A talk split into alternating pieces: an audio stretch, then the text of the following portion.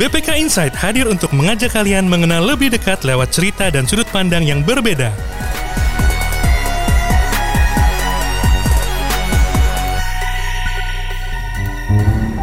Salam semangat pembelajar, sahabat pembelajar, BPK yang kami cintai. Eh, kali ini kita akan bincang-bincang terkait dengan topik yang sangat menarik dengan Bapak Auditor Utama Keuangan Negara 5. Selamat pagi Pak. Pagi. Apa kabar? Bapak Dr. Ahsanul Haq MBA, CMA, CEAK, CSFA, CPA, CFRA. Nah, topiknya ini menyangkut organisasi kita ke depan, uh, investasi kita terkait dengan human capital, yaitu manfaat dan penerapan pengembangan karir pegawai. Wah, kalau udah bicara karir pegawai Ya. ini tergambar ya Pak ya. Gimana Pak Torama? Iya. Perjalanan uh, karir di organisasi kalau bisa diawali Ya, ya. Anyway, terima kasih banyak nih atas kesempatannya eh, apa ya melakukan ngobrol-ngobrol ya ya sharing ya, saling sharing, menginspirasi Pak Torama. menginspirasi dengan BPK Korpu ya. Mudah-mudahan BPK Korpu ke depannya juga menjadi organisasi yang solid, organisasi pembelajar, berkembang terus ya. Hmm. Eh, ya demi untuk tentu saja national interest dan juga Mhm. kepentingan untuk organisasi BPK sendiri. Hmm. Ya bicara mengenai karir, eh, saya sudah 30 tahun lebih ya jadi Hmm. ASN. Jadi tepatnya kalau sekarang di 2022 Hmm.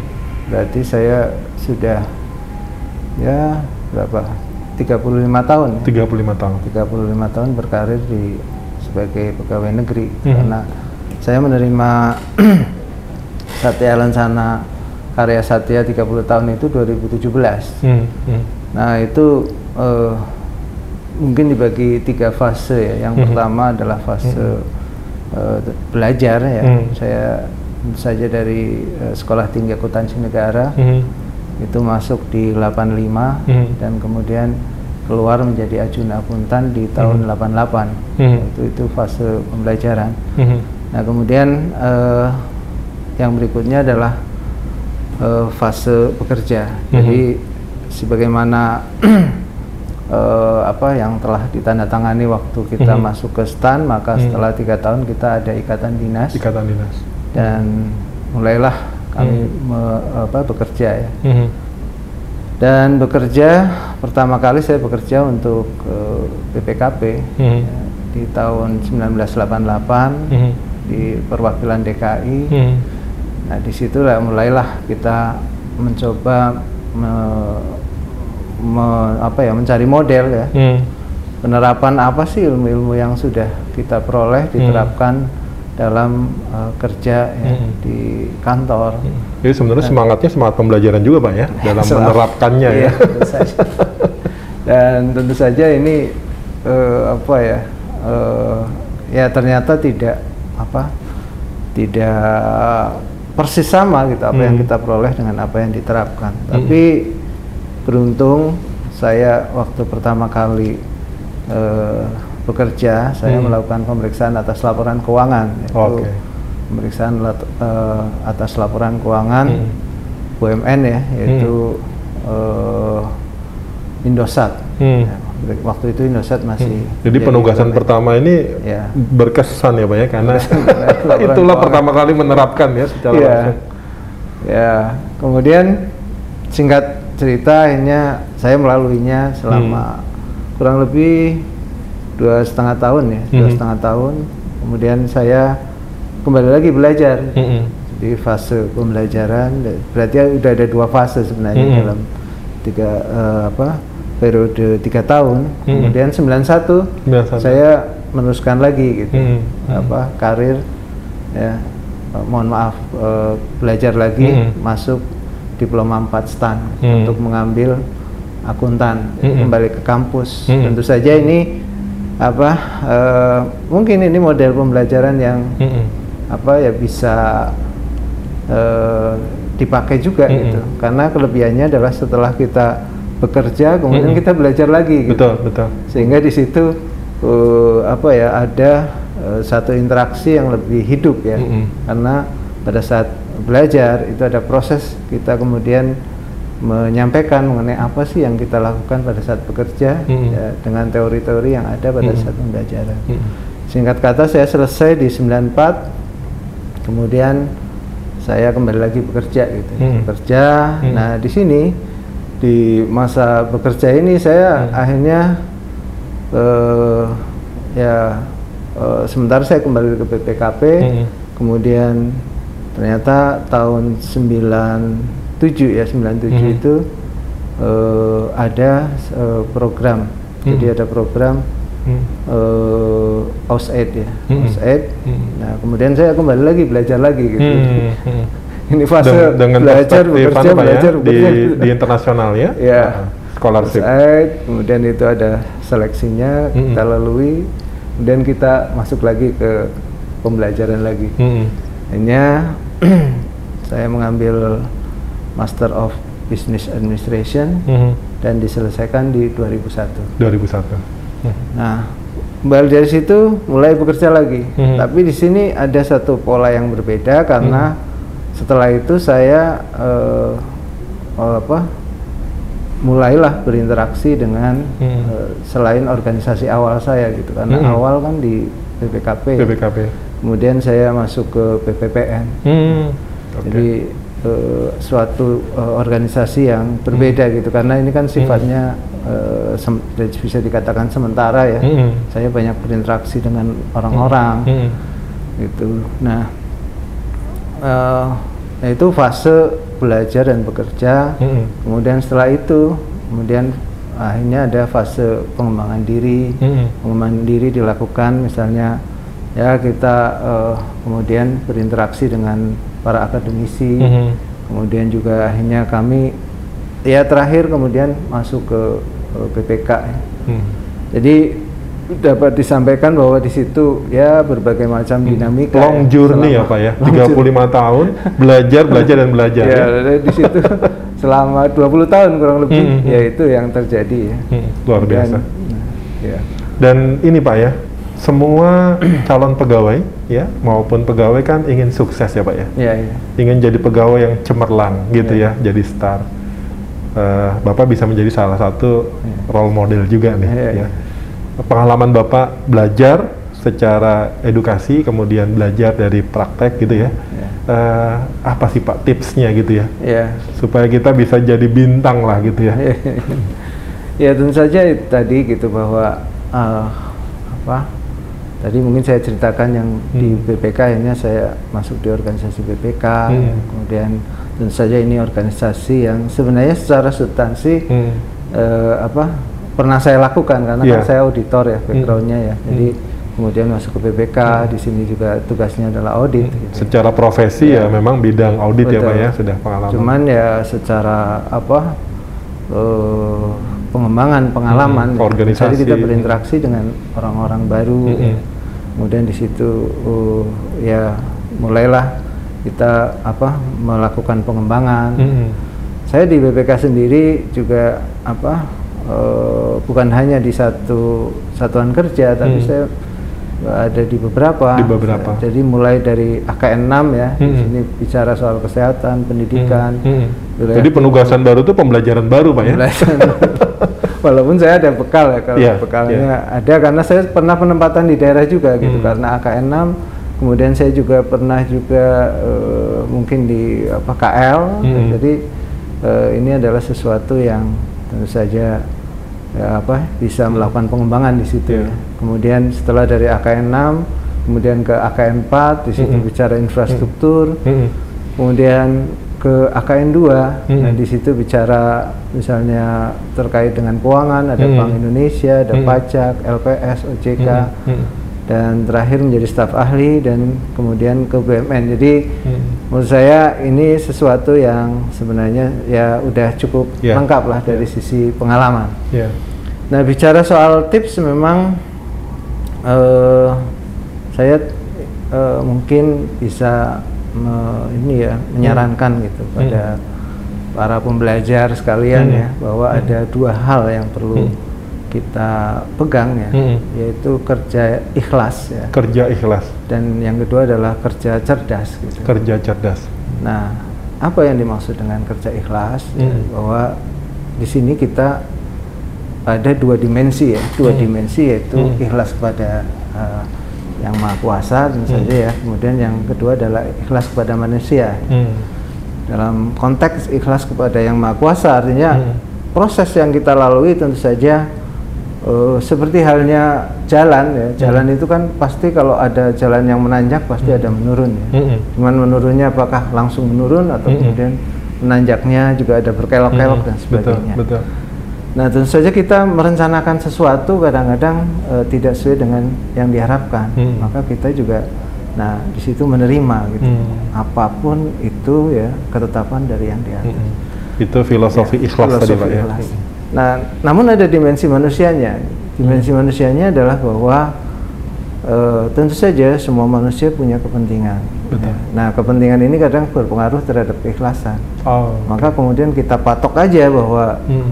Eh, kepentingan yang lebih tinggi ya, Hmm. misalnya kepentingan nasional, Hmm. kepentingan organisasi. Hmm. Jadi Itu nggak adalah- nggak terbatas Pak ya, luas ya. Hmm. Itu di atas kepentingan kita. Gitu. Hmm. Artinya kalau kita bisa seperti itu, maka Hmm. kita tentu saja tidak ada satu uh, konflik kepentingan yang sangat Hmm. substansial di sana. Hmm.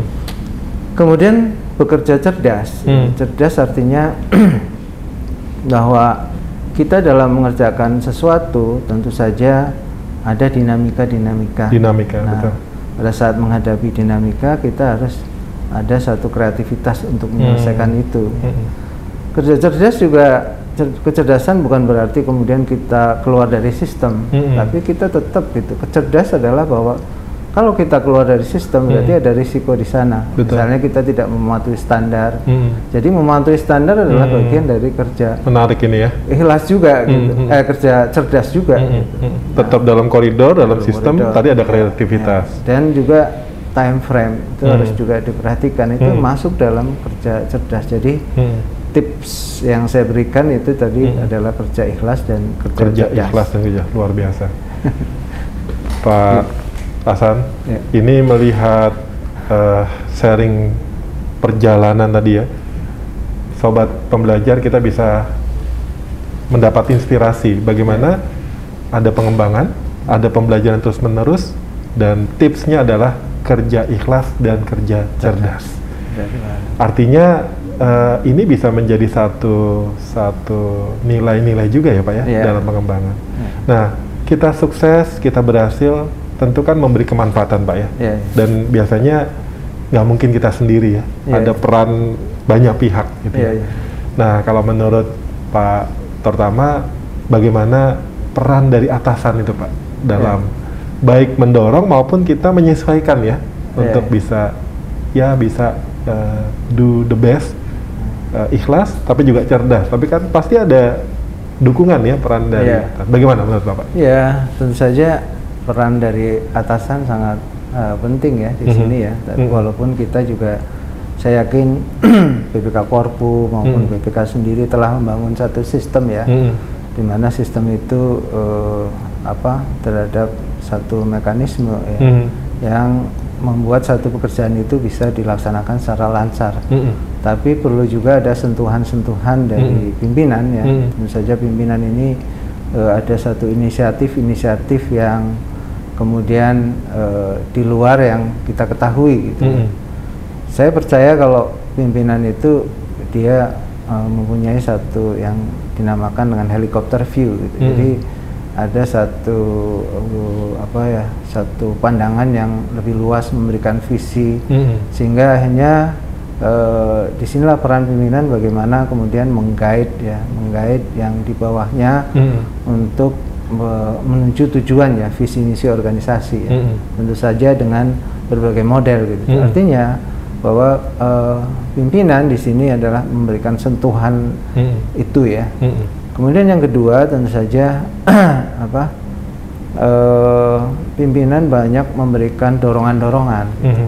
dorongan-dorongan ini kemudian eh, dilakukan ya melalui satu interaksi Mm-mm. antara pimpinan dengan bawahan. Ya. Intens- Interaksinya bisa sifatnya formal maupun informal Mm. ya. Nah, eh, di sini bawahan akhirnya terdorong ya Mm. untuk memiliki mempunyai rasa memiliki organisasi juga Mm. gitu. Mm. Nah, Jadi ada interaksi Pak ya interaksi sesungguhnya. gitu, ya.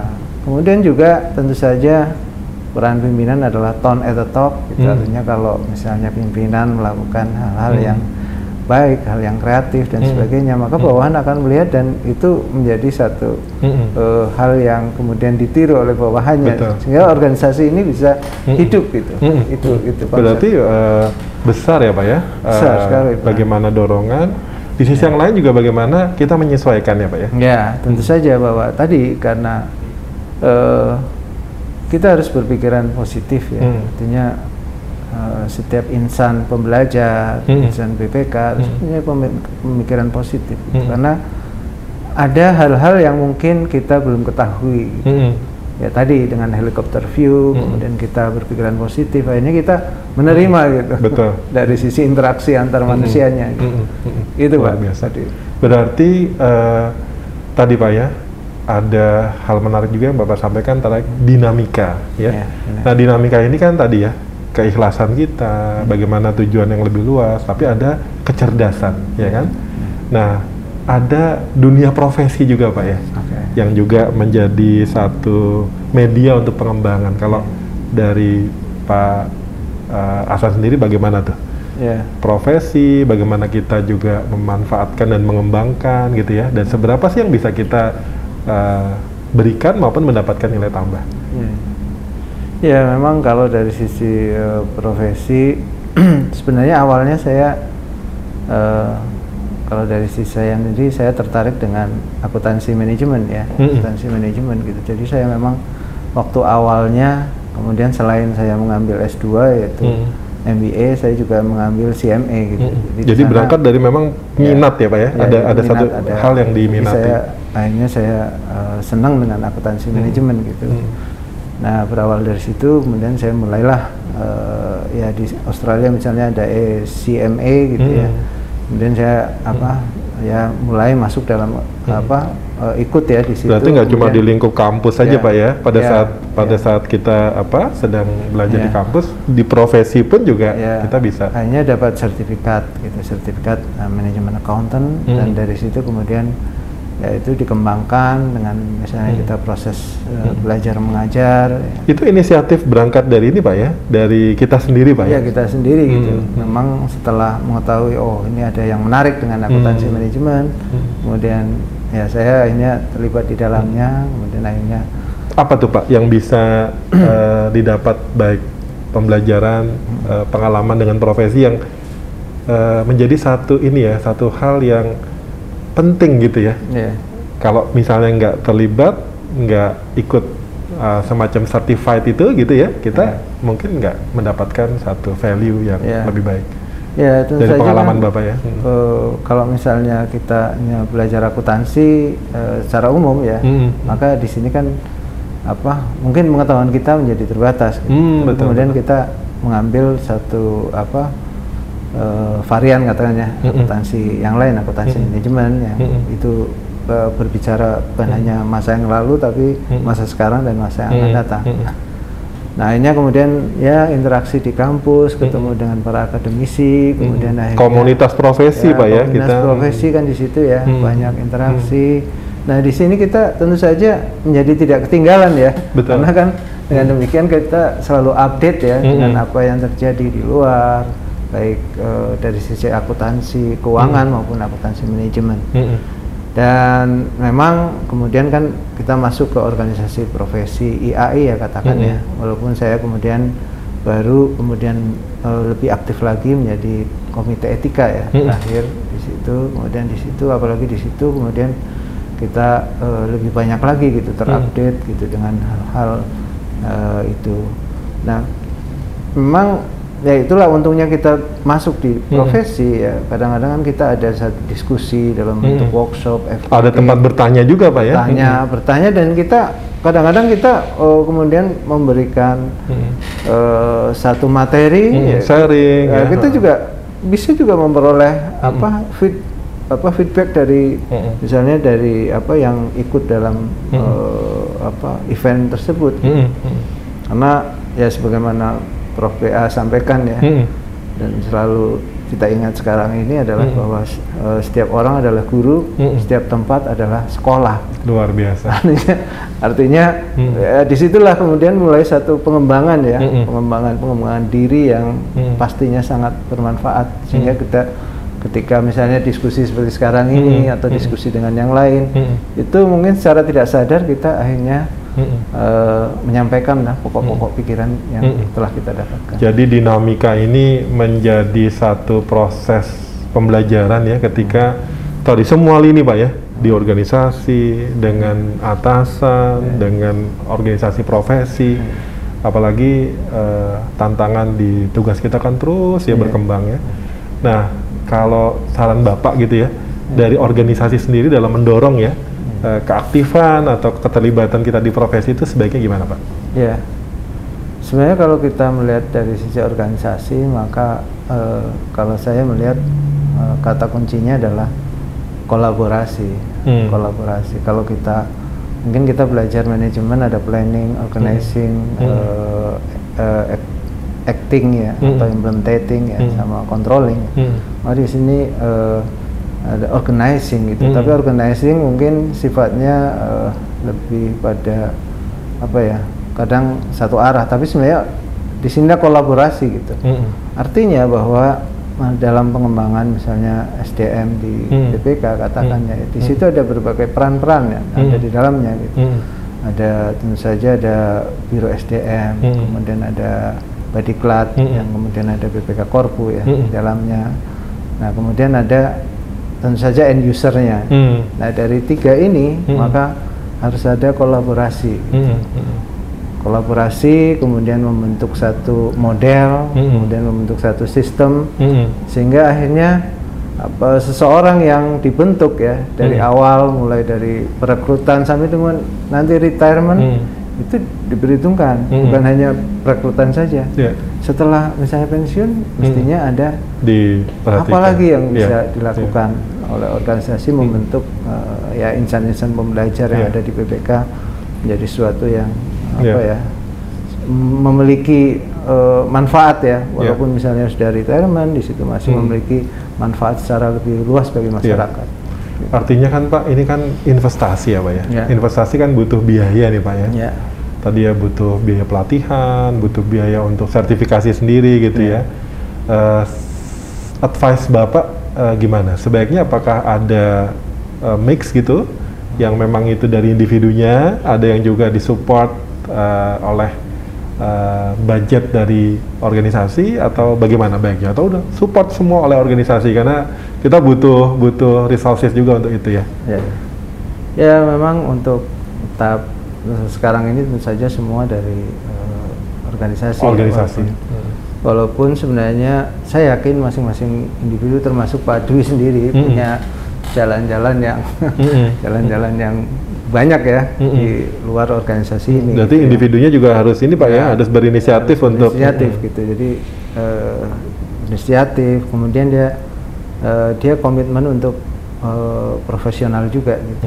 Komitmen Ya, ya. dia Mm. mempunyai komitmen untuk profesional. Mm. Di mana kata profesional ini juga meng- eh, suatu kata yang eh, sebenarnya kan ini menjadi satu prinsip dasar dari BPK Mm. juga kan. Iya betul. Eh, bahwa profesional itu yang pertama dia juga mesti memahami proses bisnis, Mm. ya kan.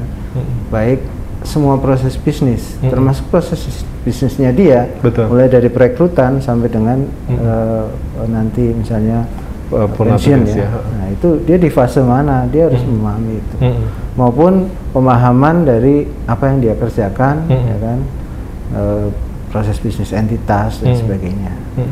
Kemudian yang kedua juga dia harus eh, apa ya? Dia eh, mempunyai satu eh, apa, disiplin ya terhadap waktu gitu. Terhadap waktu. Terhadap waktu gitu. Jadi eh, artinya kalau misalnya ada assignment dan sebagainya, Hmm. ya kan, maka dia harus selesaikan tepat waktu. Ini Hmm. ibaratnya kalau Mm.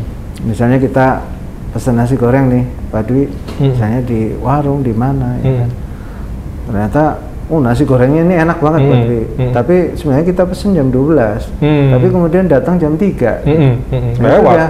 Iya. kita udah nggak lapar lagi Pak. Jadi ini adalah contoh gimana memang ketepatan waktu Hmm. eh, sangat penting. Iya. Kemudian yang ketiga ya ini adalah bahwa eh, ah, belajar itu berkelanjutan. gitu. Berkelanjutan, jangan, oke. jangan berhenti di situ gitu Hmm, ya. hmm. Misalnya kalau sudah S1, Hmm. kemudian S2, Hmm. cari sertifikat berbagai Hmm, macam. hmm. Nah, ini memang kalau kita bicara sertifikasi di Hmm. apa PPK ini luar biasa Pak Dwi. Iya, luar Sehingga biasa. misalnya seperti Pak Dwi sampaikan tadi Iya. juga kemudian gelarnya banyak Pak Dwi. Mm-mm. Ada satu Mm-mm. momen Pak Dwi. Iya. Jadi waktu itu penyerahan laporan keuangan. Kemudian dibacakan gelar itu, saya ketawa ini gimana caranya dan sebagainya. Ini salah satu bagian. Nah, itu belajar berkelanjutan. Kalau sudah S2, kemudian S3, Hmm. eh, postdoktoral dan Hmm. seterusnya tidak ada batasan untuk Never ending ya. Never Karena ending. perubahan terus terjadi ya. perubahan terus terjadi. Gitu. Luar biasa Pak Tartama. Jadi eh, sobat pembelajar nampaknya semakin dapat gambaran ya. Jadi do prosesnya itu dilalui dengan keikhlasan, kecerdasan gitu ya. Iya, iya.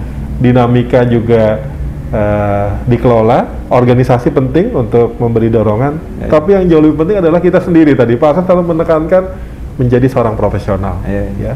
Baik, semakin menarik, semakin mendalam nih ya. Eh, terutama buat sobat pembelajar eh, di BPK yang baru meniti karir ya. Mudah-mudahan Iya, ini menjadi lesson dan oke, sobat pembelajar BPK Korpu yang semakin banyak mendapat inspirasi ya dari obrolan kita yang sangat bermakna ya dengan eh, Bapak Auditor Utama Keuangan Negara 5 kita akan masuk sekarang yang lebih ke dalam proses dinamikanya. Iya. Pak pertama eh, pengembangan karir itu kan tadi ya eh, satu sisi dukungan pimpinan, Iya. ya kan? Kita juga diharapkan loyal nih ya, Oke. loyal. Kadang kita dihadapkan pada satu pilihan-pilihan, Pak. Iya. Pilihan yang belum selalu, tentu selalu cocok ya dengan dengan apa secara individu ya, karena juga ada dinamika yang masih disesuaikan baik dari eh, organisasi atasan gitu ya. Nah, pengalaman bapak nih ya menghadapi situasi-situasi yang tentunya nggak selalu smooth gitu ya. Iya. Kira-kira apa sih patokannya gitu? Ya, ya eh, tadi sebenarnya sudah saya sampaikan gitu Hmm. bahwa kita harus eh, apa berpikir positif ya, Hmm. ya berpikir positif eh, terhadap semua orang. gitu. Hmm. Mungkin eh, kalau kita mengenal dulu ada teori eh, McGregor ya. McGregor. McGregor ada teori X dan teori Y. Hmm.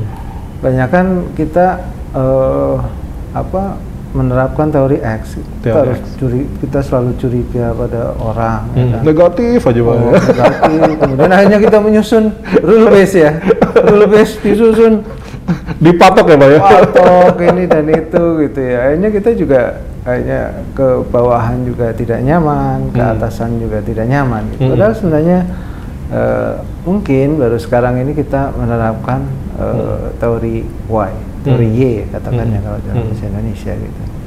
Nah ini tentu saja kita hmm, apa mencoba berpikir positif gitu Hmm. pada eh, apa misalnya kalau maupun atasan kita. Hmm. gitu. Hmm. Nah, kepada atasan kita juga menerapkan hal yang sama teori Hmm. Y gitu bahwa kita berpikiran positif terhadap Hmm. atasan gitu Hmm. karena tadi Jadi kayak bahwa 360 derajat Pak ya? eh, ada dua patokannya kita Hmm. menganggap bahwa atasan ini eh, juga telah melakukan suatu survival ya Hmm. survival sehingga eh, sampai ke posisi itu gitu jadi Pandangan lebih luas, pandangan helikopter lebih luas, view, pengalaman ya. Hmm. jadi helikopter view Hmm. jadi bukan sesuatu yang eh, kemudian apa tiba-tiba di situ. Mm-mm. gitu. Jadi dengan demikian kita selalu apa ya menerima ya menerima Mm-mm. dengan baik ya Mm. eh, apa yang mungkin disampaikan kepada eh, ya, bawahan dari atasan. dan sebagainya. Mm. Jadi kita percaya dengan jadi kuncinya trust ya kan. Hmm. Jadi Trust. selain ya berpikir positif itu menghasilkan trust gitu. Hmm. Nah dengan adanya trust maka kemudian interaksi menjadi enak. Ini semacam jadi kayak ini Pak ya, beyond gitu Pak ya. Tadi Ya. soal kompetensi uh, itu satu hal yang hmm. sangat dibutuhkan ya. Kemudian juga pengembangan karir sisi yang yeah. lain, tapi bagaimana kita bisa trust tadi membangun trust hmm. ya, membangun trust dalam organisasi gitu. Hmm. Karena tanpa trust ya organisasi itu ya mungkin bisa mencapai tujuannya hmm. tapi banyak yang tidak enak dan itu lebih banyak uh, hubungan jangka pendek. Padahal hmm. kita kan berhubungan dengan semua orang kan adalah hmm. uh, jangka panjang. Hmm. Bahkan terus ya pak ya? Bahkan terus. Tapi tadi menarik juga gitu. Hmm. Tentu saja ini uh, organisasi itu bukan sesuatu uh, barang yang sifatnya statis. Hmm. Hmm. Pasti ada dinamika di hmm. dinamika hmm. di sana. Hmm. Dan kita pasti mengalami satu yang namanya dilema etika gitu, hmm. ethical dilema, ya kan? Apalagi berinteraksi dengan atasan dan sebagainya. Hmm namun sebenarnya tadi dengan berpikir positif, dengan trust, maka kalau misalnya mengalami ethical dilema, pasti ada alternatif hmm. solusi gitu. Hmm. Artinya kalau misalnya eh, apa ada satu assignment dan hmm. sebagainya, hmm. kita menawarkan beberapa alternatif hmm. dan di situ disampaikan juga gitu mengenai hmm.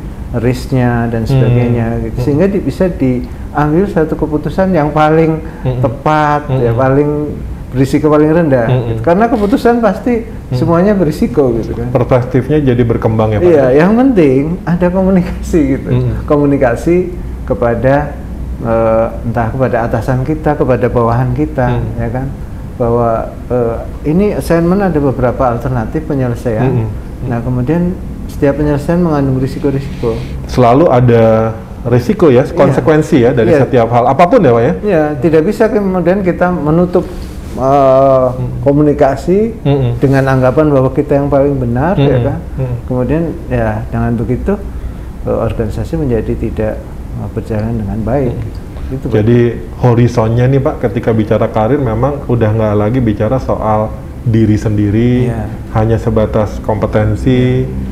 Tapi juga ada tadi pak ya bagaimana kita trust yeah. memandang segala sesuatu itu dengan positif yeah. luar biasa memang patokannya kembali lagi bahwa ada uh, kepentingan nasional, kepentingan hmm. organisasi, hmm. yang kemudian baru kita mungkin udah nomor berapa gitu hmm. di sana gitu. Artinya kalau dengan demikian kemudian hmm. kita ada komunikasi yang baik, hmm. disampaikan mengenai alternatif yang ada. Hmm. Nah di sini kemudian akhirnya ya konflik bisa dikurangi gitu.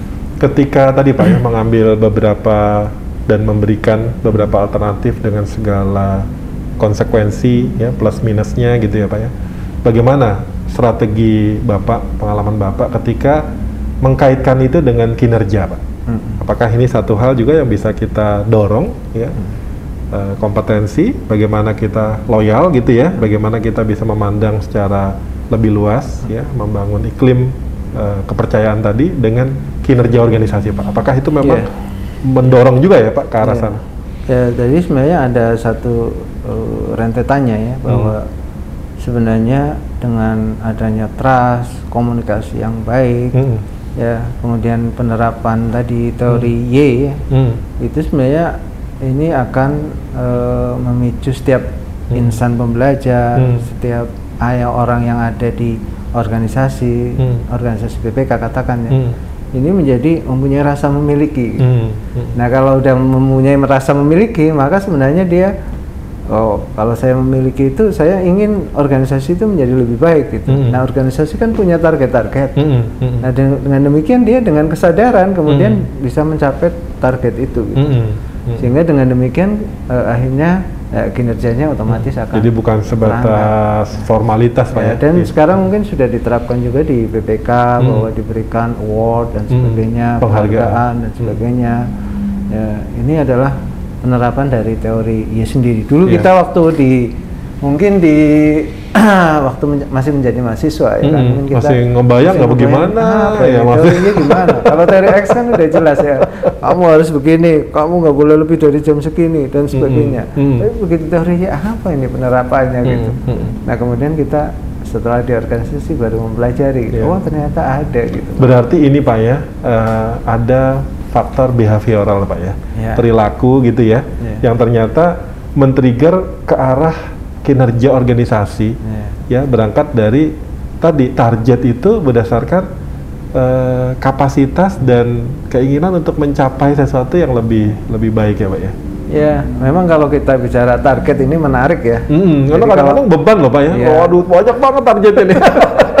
Jadi kalau target kita melihat target, target itu eh, bisa eh, apa dalam bentuk misalnya target itu adalah terlalu rendah. Gitu. Hmm. Nah ini membuat orang membuat slack gitu. Artinya Hmm. kan dia ah ini saya simpen dulu ah, Hmm, untuk hmm. tahun depan ya kan. Hmm, hmm, hmm. Nah kemudian ada target yang terlalu tinggi Terlalu juga tinggi. gitu. Hmm. Terlalu tinggi. Kalau tera- target terlalu tinggi orang menjadi frustasi ya Betul, kan. betul. Ngapain ah ini pasti nggak mungkin tercapai. Hmm.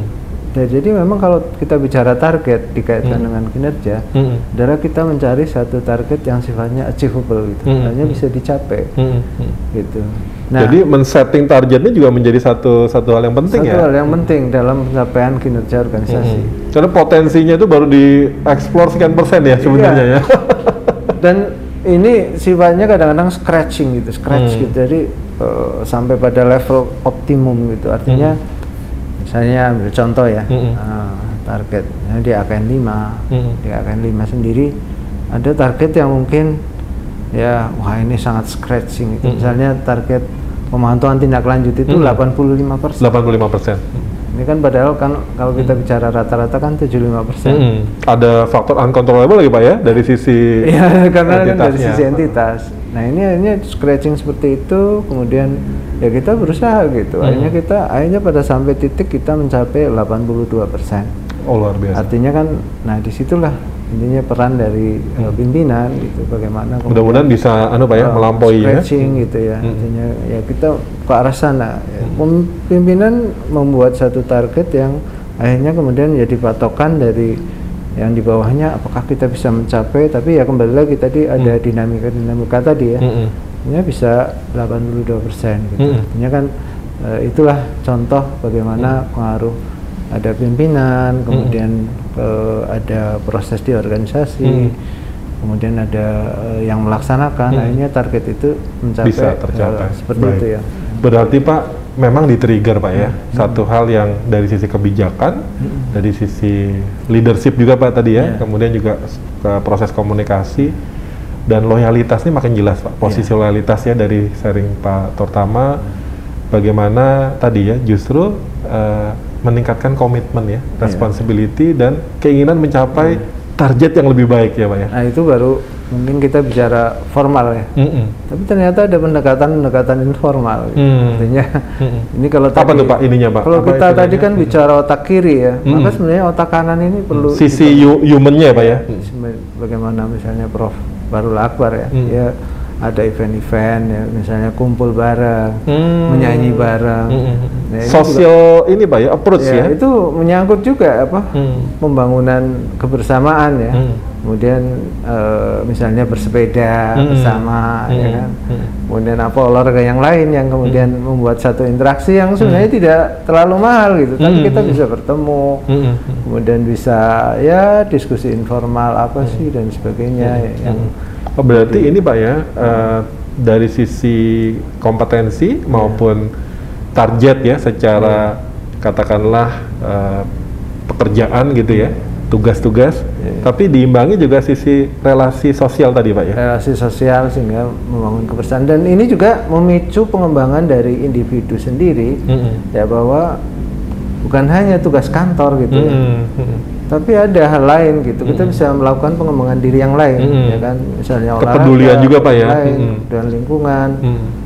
nah ini ini salah satu cara juga membangun Mm. individu pembelajar yang ada di Mm. eh, BPK ini Ini berarti Pak yang namanya intelijensia, kemudian social question ya, termasuk juga spiritual ya Pak ya. Ya. Termasuk juga physical ya Pak ya, physical question ya. Ternyata Bapak udah terapkan, kembangkan gitu ya, bersama-sama dengan pimpinan gitu ya. Ya. Eh, dan tentunya Pak, semua ukuran sukses itu kan ada parameternya Pak ya. Iya. Gimana nih Pak Asanul mengelola ya antara target tadi secara pekerjaan, penugasan dan juga ada aspek-aspek eh, sosial, Iya. interaksi, komunikasi. Parameter apa yang digunakan Pak sebaiknya gitu? Iya. Supaya seimbang tadi Pak ya, supaya seimbang. Betul. Jadi sebenarnya kalau kita melihat ya bahwa eh, kalau ya banyak pilihan-pilihan ya dalam Hmm. mencapai target gitu ya. Artinya memang eh, kalau kita bicara target kadang-kadang tadi kan sudah dibicarakan ya Hmm. bahwa proses pembentukan target ya. Hmm. Dan kita men- mencapai ke arah sana tentu saja secara formal sih memang adalah bagaimana apakah kita mencapai target atau tidak ya itu eh, apa membangun apa satu indikator dari kesuksesan. Tapi jangan lupa bahwa eh, ada kan jangka pendek dan jangka panjang gitu Hmm. ya kan artinya eh saya lebih memilih bagaimana prosesnya gitu untuk Hmm. mencapai target itu Jadi dimensi waktu ini Pak yang jangka pendek, Iya, menengah jangka panjang pendek. itu justru menjadikan Bapak melihat satu proses ya, nih prosesnya pendekatannya. gitu apakah prosesnya di- sudah benar atau tidak Hmm. nah kalau misalnya prosesnya dilakukan dengan baik interaksi Hmm. yang nyaman ya Hmm. kan di antara para pegawai nah Hmm. itu ma- ma- eh, salah satu apa ya Hmm. salah satu apa bekal tersendiri gitu untuk Mm-mm. mencapai tujuan jangka panjang kan kita kan nggak bicara jangka pendek Artinya begitu ada yang belum tercapai dalam Iya. jangka pendek gitu Pak ya, Iya. itu dilihat lagi prosesnya. kita ya? evaluasi Hmm. kita evaluasi prosesnya apa yang kurang kita evaluasi dan sebagainya Hmm. tapi kita tetap bahwa ini untuk organisasi dalam Hmm. jangka Itu panjang jadi merupakan ultimate goals ya Pak ya. Nah, Hmm. artinya kalau modelnya kemudian sudah terbentuk tentu saja nanti walaupun mungkin target jangka pendek tidak Mm-mm. tercapai Hmm. tapi ini menjadi bekal untuk bisa tercapainya target jangka panjang. Artinya Hmm. pengembangan individu pembelajar di BPK Hmm. ini bukan hanya jangka pendek, gitu. Hmm. tapi tadi dari proses rekrutmen sampai men- menghasilkan orang-orang yang Hmm. benar-benar dia Hmm. orang-orang yang kompeten, tapi dia mempunyai dimensi yang Hmm. lain ya, Iya. dimensi sosial. Luas sekali Pak ya. Hmm. Iya. Bahkan ini Pak ya beyond ya Pak ya. Kan Iya. ketika sudah purna tugas kan ada juga tugas kepada masyarakat ya. Iya. Mungkin di sini udah mulai dilatih dikembangkan ya untuk Iya, menuju ya ke sana. Maksudnya organisasi pembelajar itu seperti itu. Kalau Iya. gambaran saya itu Ya, Di- ya, luar biasa Pak. luar biasa kalau bisa mencetak. Ini artinya Pak parameter ini bisa dikembangkan juga ke arah sana Pak ya. Ya. Keberhasilan itu lihat dimensi waktu ya, Ya. tidak hanya jangka pendek, jangka menengah, jangka panjang, kemudian proses ya, Ya. untuk improvementnya gitu Pak ya.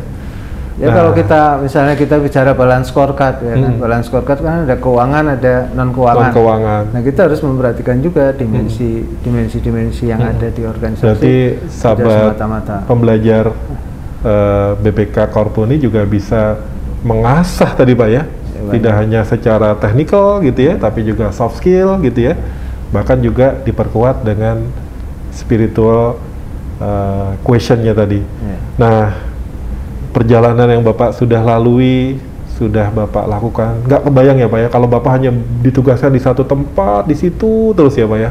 Kemudian juga dinamika-dinamikanya nggak selengkap ini Pak ya, mungkin dari segi growth ya, dari segi pengembangan karir juga bisa saja malah eh, tidak berkembang gitu ya Pak ya. Nah, pada fase ini dan ke depan ya Pak ya, gimana sih harapan Bapak gitu ya? Iya.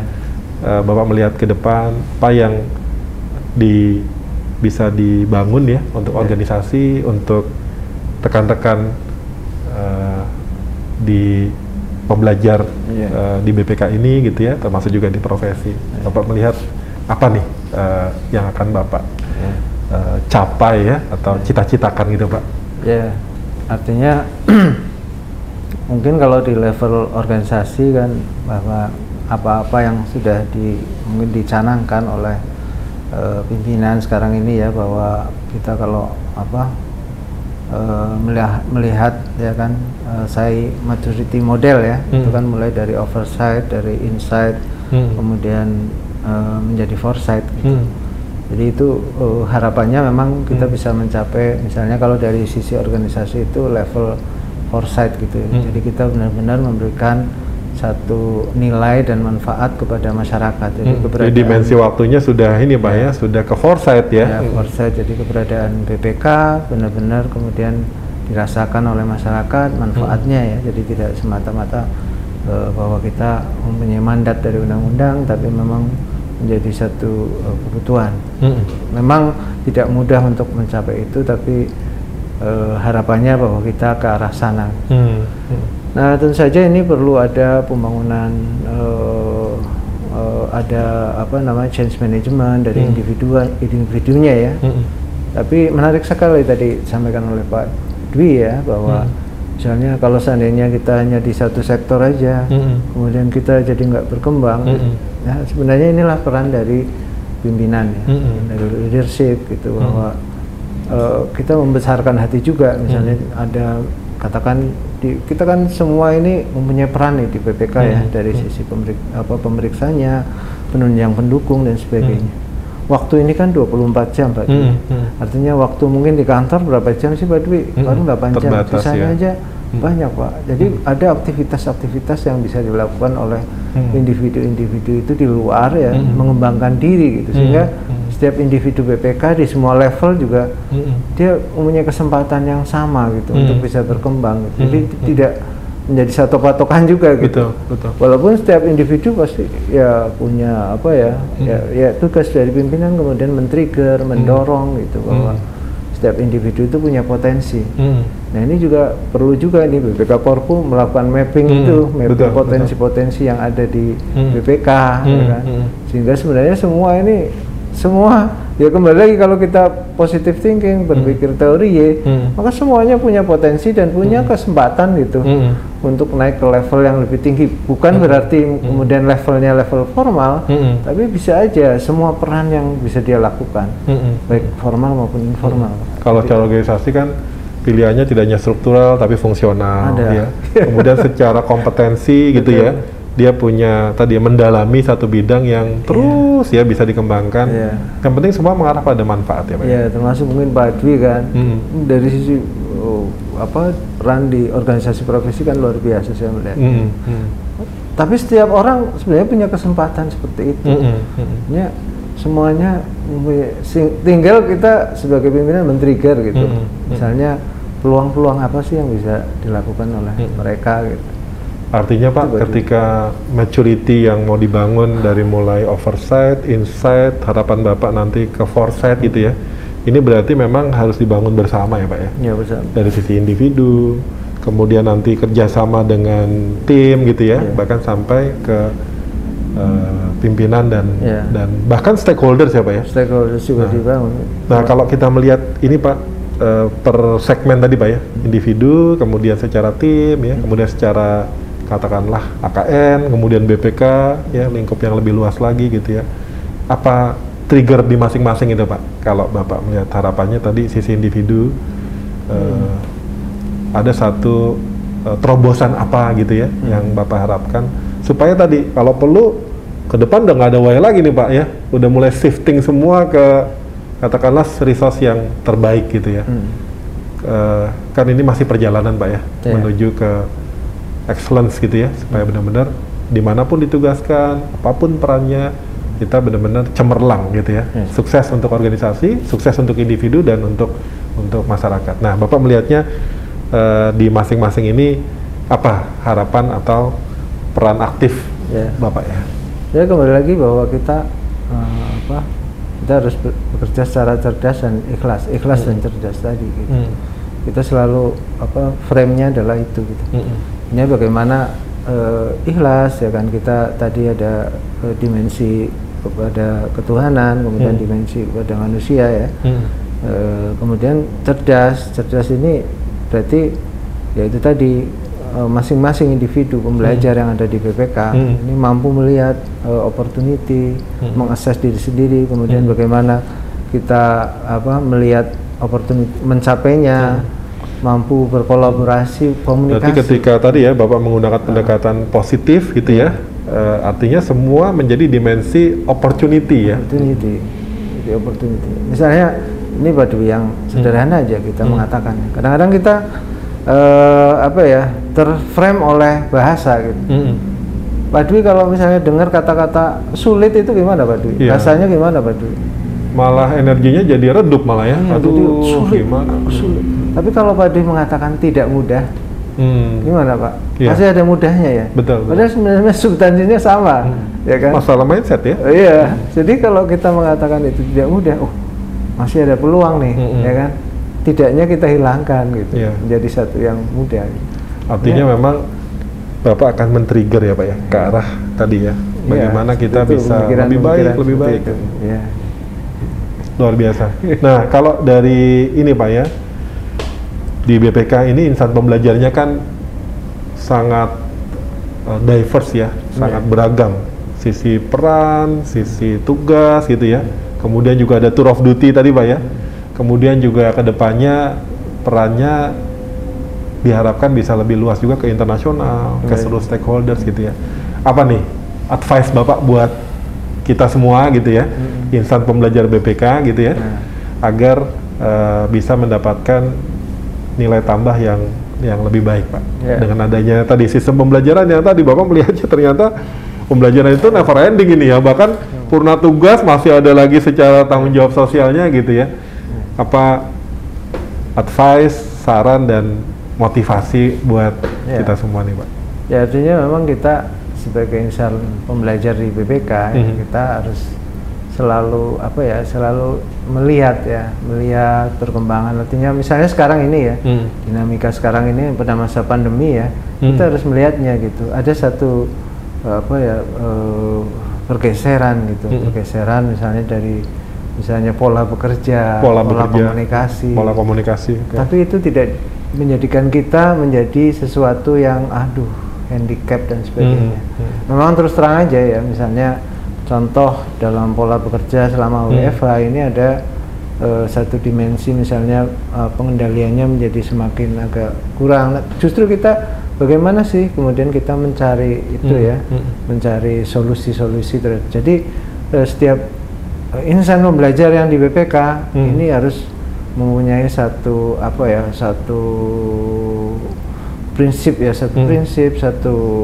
apa namanya pola pikir Hmm. menjadi solusi gitu Hmm. menjadi solusi eh, bagi dirinya Hmm. bagi lingkungannya Hmm, hmm. ya dan Berangkatnya dari situ Pak ya? dari situ jadi menjadi solusi jadi Hmm. jangan melihat sesuatu itu menjadi masalah Betul. Nah, ini juga penting gitu Hmm. sehingga nah ini kalau bisa kita kembangkan, mereka juga perlu melihat bukan hanya secara nasional yang Hmm. mulai melihat secara internasional gitu Hmm. peran BPK secara internasional sekarang dengan adanya BPK kemudian eh, menjadi pemeriksa dari AEMO. Nah, Hmm. ini perlu tahu juga Hmm. gitu teman-teman. Oh, itu luas sekali, Pak, ya, nanti ya, iya. peluang-peluang itu, Pak, ya? Itu dan masih banyak lagi tentu Hmm. organisasi-organisasi itu. Hmm. Kemudian ada inisiasi pembentukan BLU. Hmm. Nah ini juga artinya kita melihat banyak peluang di Hmm. sana. Hmm. Jadi kita melihat bagaimana eh, apa peluang-peluang itu kemudian menjadikan diri kita menjadi Hmm. bagian dari solusi bukan Hmm. bagian dari masalah.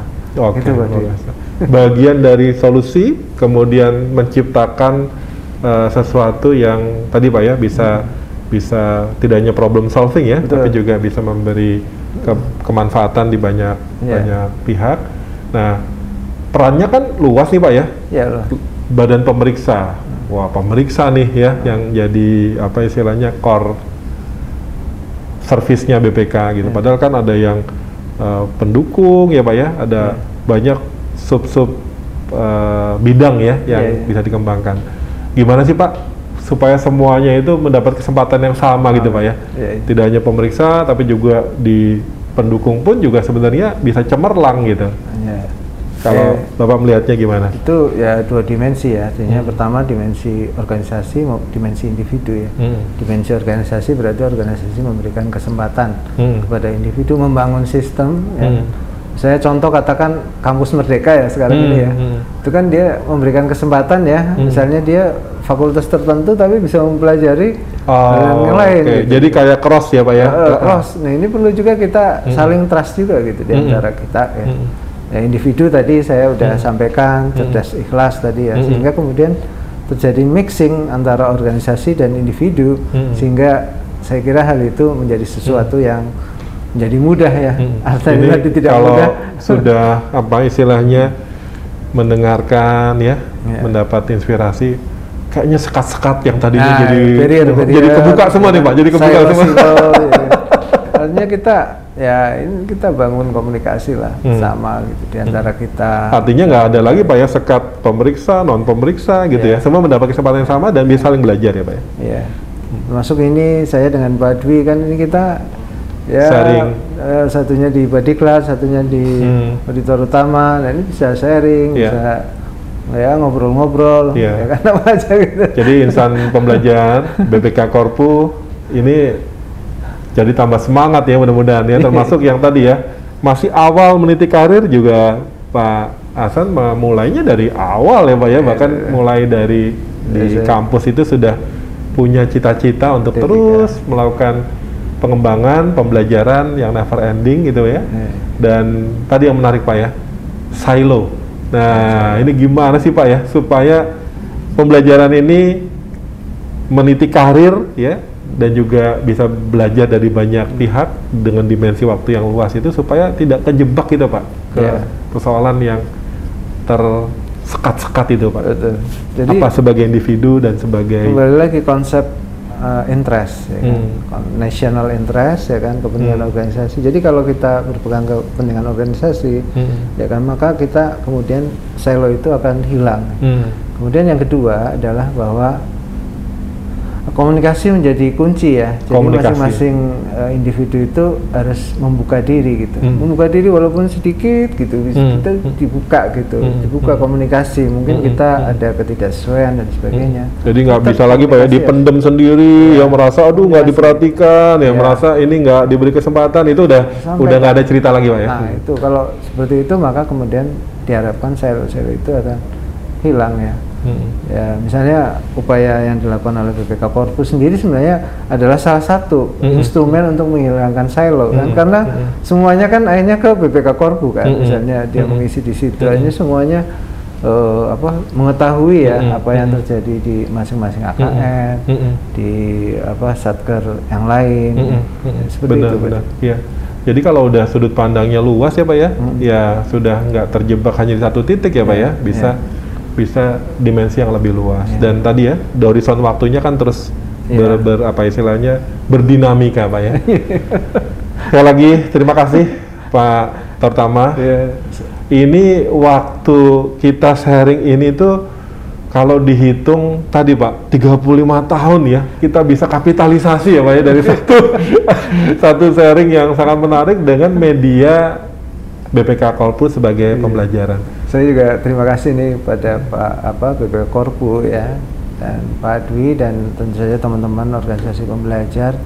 Ya marilah kita bangun organisasi Hmm. bersama ya organisasi ini ya sehingga menjadi organisasi yang besar, Hmm. eh, bermanfaat dan eh, dirasakan kehadirannya oleh Amin, masyarakat. amin, amin, amin. Di- Terima kasih sekali lagi sobat pembelajar BPK Korpu. Semoga ini menjadi satu tidak hanya inspirasi, tidak hanya insight, tapi tadi seperti harapan Pak Tortama 5, foresight. Eh. Kita melihat ke depan, tidak hanya sisi individu, tapi juga rekan, organisasi, BPK, dan bahkan dengan lingkup yang lebih luas. Amin. Dimensi internasional, dimensi nasional itu menjadi patokan cara berpikir kita, Pak ya Iya. tidak sebatas hanya individu atau sebatas di bidang tertentu. Sekali lagi terima kasih Pak Tortama. Sama-sama. Eh, closingnya nih Pak, ya kira-kira eh, apa yang eh, Bapak bisa sampaikan kepada insan BPK pembelajaran untuk Iya. pegangan kita ke depan. Ya, artinya semua insan pembelajar ya diharapkan bisa bekerja secara ikhlas dan cerdas ya. Dan kita bersama-sama ya membangun kolaborasi ya sehingga akhirnya ya apa yang eh, kita cita-citakan ya dalam bentuk eh, visi misi organisasi bisa tercapai ter- termasuk di dalamnya maka secara otomatis nanti eh, cita-cita individu juga akan tercapai juga. Amin, amin. Terima kasih. Akhirul kalam. Wassalamualaikum warahmatullahi wabarakatuh. Waalaikumsalam warahmatullahi wabarakatuh.